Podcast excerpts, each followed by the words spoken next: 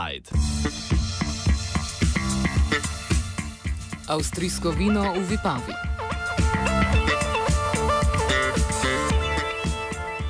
Stečajni upravitelj Andrej Perdan je danes na dražbi prodal celotno premoženje vipavskega podjetja Agro Ind Vipava 19 oziroma 1894. Premoženje podjetja, ki je po treh poskusih svojih zaposlenih v začetku tega leta razglasilo stečaj, je kupilo podjetje AgroMIP. Slednjega je dva tedna nazaj ustanovilo avstrijsko podjetje MIB Management, kot zastopnik obeh pa je zapisan podjetnik Mihael Blašic.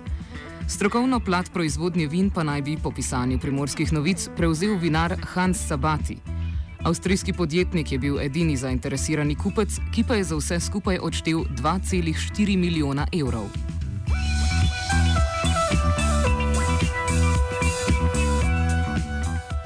O Agroindu smo na tem radiju že večkrat poročali. Novembra 2015 je družba za upravljanje terjatev bank prodala dolgove Agroinda v višini 5,2 milijona evrov za 1,6 milijona evrov podjetju Vipavski vinogradi, ki ga je za ta namen ustanovila ukrajinska družba Demis Group.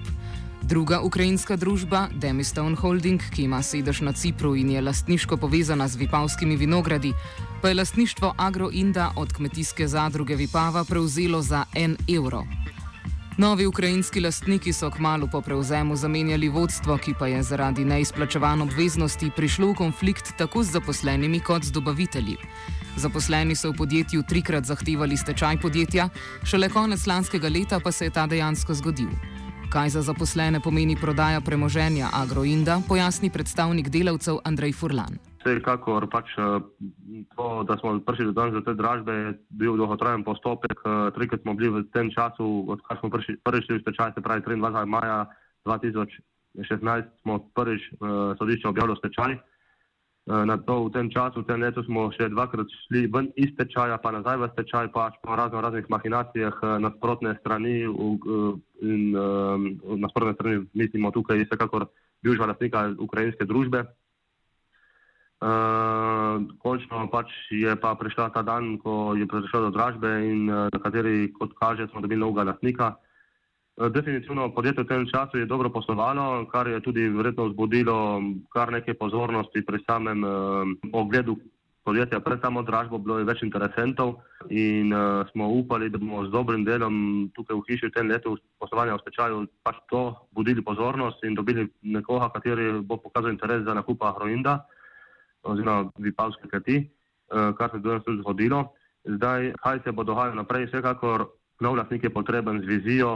Uh, na prve informacije, iz katere prihajajo, so to vinari iz Avstrijske Štajerske, pač to, kar blizu Vipave, poznajo našo način dela, poznajo naša vina, poznajo pač zakonodajo, kar je najbolj pomembno, ker prav tukaj smo imeli v preteklosti, mislim, da največje težave, ker pač te ukrajinski lastniki naše zakonodaje niso poznali in se lahko mislili, da bodo poslovali malo tako na črno, malo na belo, malo pač po njihovo, uh, kar pa definitivno ne gre. Uh, saj, kar se tega tiče, lahko rečem, da in sem tu skoraj prepričan, da bo bolje, vejo pač, kje so težave in kje so prednosti, vejo, kaj lahko naša Vipavska dolina nudi, vseeno Vipavska dolina največji vinorodni okoliš v Sloveniji. Upam in sem prepričan tudi, da pač tako slabe izkušnje kot z uh, Ukrajinci ne bo, ampak celo mislim, da bomo imeli pozitivno izkušnjo in upamo, da bo čim prej se to poslovanje pripravilo v to smer, da bomo za trhatov pripravljeni in uh, dobro izpeljali to trhatov, katera je pred nami. Vstop strateškega partnerja v Vipavski Agroint pozdravljajo tudi na občini Ajdovščina. Več o novih lastnikih Ajdovski župan Tadej Beočanin.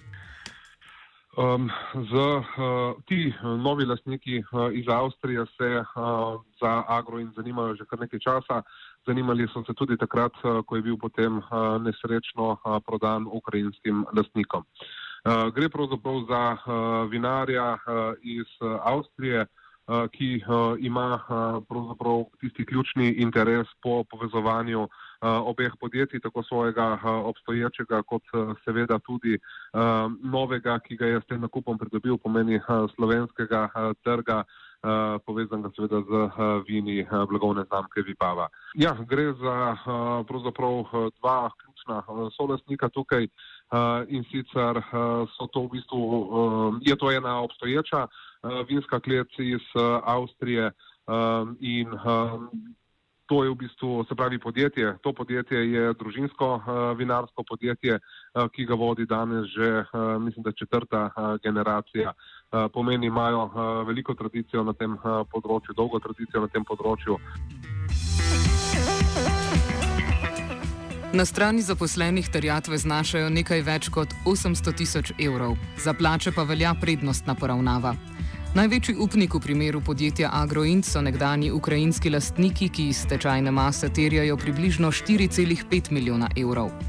Te terjatve, ki današnji izkupiček iz prodaje premoženja presegajo za dobra 2 milijona evrov, pa so zavarovane z ločitveno pravico. Slednje pa pomeni, da bodo poplačane najprej. Ker delavci Agroinda menijo, da so terjatve neupravičene, pred sodiščem prerekajo zahtevana poplačila za to podjetje. Te terjatve delavcev, ki so prijavljene v stečajno maso, bile so prijavljene, to se lahko pač tudi mm, vidi iz, iz pisa, pač prijavljene terjatve v stečajno maso, eh, je preko 800 tisoč evrov. Ja. Pač, ker tukaj so tudi še nekatere eh, plače oziroma odpravnine delavcev še od leta 2014 dalje, katere Ukrajinci pač niso hoteli poplačati v času, ko so bili v Vipavi, v Vipavi uh, lastniki. Tukaj so ostale zadnje tri plače zaposlenih, uh, regresi, um, prehodi na delo um, vseh zaposlenih. Um, tako da, ja, znesek je kar velik. Uh, vedeti treba tudi to, da pač je starostna struktura v podjetju bila, delovci so dolgo let bili pripadni podjetju in so dolgo let bili v kleti, tako da tudi kar velik znesek predstavlja tudi odpravnine. Ne? srede oziroma do torka prejšnji teden, torej do, ne, smo bili prejšnji teden, eh, do 5. julija, je bil čas pač, da se lahko prereka terjatve oziroma sodišče je izdalo sled, sodišče je izdalo pač seznam terjatov in na katere lahko vsak upnik ali pa vsak lahko poda svoje mnenje oziroma lahko prereka terjatve nasprotnemu upniku in ne to, da so med temi terjatvami se pojavljajo tudi terjatve, katere so prijavili uh, mineral bulk.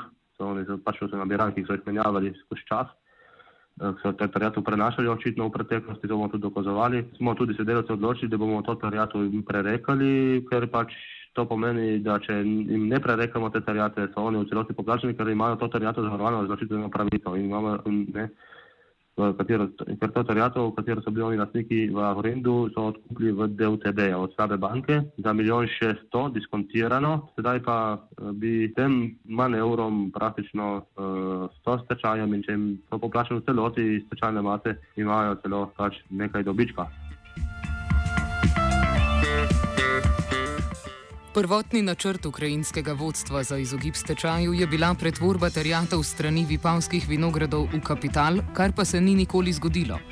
Nekdanji ukrajinski lastnik je namesto tega prenesel te terjatve na podjetje Mineral Bulk, ki je tudi zapisano za poplačilo iz stečajne mase. Uh, oni so po druge stečaju, se pravi pred tretjim narokom, uh, so prenesli terjatov iz vipavskih vinogradov na Mineral Bulk ustanovili so nov nabiralnik, oziroma dobili so nov nabiralnik, kamor so to terjatev prenesli, iz, ne, ne vem sicer zakaj. Um, na samem sodišču, na naroku, pa so potem za, njihov odvetnik zagovarjal, da so to terjatev pretvorili v kapital na sami skupščini, ki je bila izvedena dva dni pred narokom, kar se potem kasneje izkazalo, da sploh te skupščine biti ni moglo, ker so oni to terjatev že prej prenesli na drugo podjetje in da so tudi na samem sodišču zavajali, zavajali sodišče in s tem ključno vplivali na odločitev sodišča, ko, je se, ko se je sodnik na naroku odločil, da pošlje v hišo finančnega eksperta, da vidi, če so res pretvorili to terjatev kapital. Čeprav je njihov odvetnik in vsi skupaj so vedli, da, samej, eh, da je ne morejo pretvoriti terjatev kapital, ker so terjatev prenesli že z Vipavskih Haminora na drugo podjetje in s tem pač dobesedno se zlagali na tamnem sodišču in vplivali na odločitev sodišča. Ne. Eh, s tem je pač, ko ni bilo stečaja, že takrat, takoj po naroku, ko bi mogel biti, pač, ker ugotovili so biti, da firma podjetja Agroint ni dokapitalizirana, ampak da pač oni še vedno ščitijo svoje terjate in nočejo pretvoriti v kapital, kar je tudi njihov odvetnik priznal, eh, da je pač podjetje potrebno do, do, do kapitalizacije. Ne.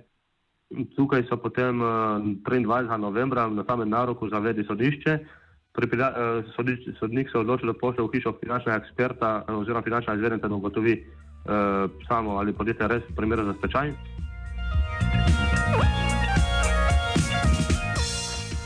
Proti nekdanjim lastnikom je kazensko ovadbo zaradi sumljivih finančnih transakcij izdal tudi sedanji stečajni upravitelj, ki pa javnosti o tem ne želi posredovati informacij. Na sumljivo finančno poslovanje so v preteklosti sicer že opozarjali tudi delavci, vendar je sodišče šele decembra lani onemogočilo poslovanje ukrajinske družbe v Agroindu. Po neuradnih informacijah naj bi iz podjetja izteklo 300 tisoč evrov. Za današnji offside zaključuje Furlan potem pa, ko so oni eh, tisti mesec, ko so še vedno ostali v hiši in ko ni bilo še stečaja, preden so potem sami dali soglasje k stečaju, izvedli par, eh, par finančnih spornih transakcij, katere smo tudi mi potem dali v javnost in pa tudi pač sodišča obvestili. In uh, na to pač so oni dali zadnjega decembra soglasje k stečaju. Zdaj, zakaj so dali soglasje, ne vemo. Verjetno zato, ker je bilo preveč makinacije od zadaj. Ne, ne vem, pač to bo do drugega otavljal. Je pa dejstvo, da je potem sam uh, stečajni upravitelj, kaj za medije, dal izjavo, da je dal uh, v, v, uh, na tožilstvo določene ovadbe zoper določene uh, ljudi, kateri so bili v podjetju in so podjetje vodili v tistem obdobju, se pravi od oktober, november, december 2015. Offside je pripravil Jošt. Vino pijem, vino, vino pa je vino. Ne, vino je vino. Vino je vino.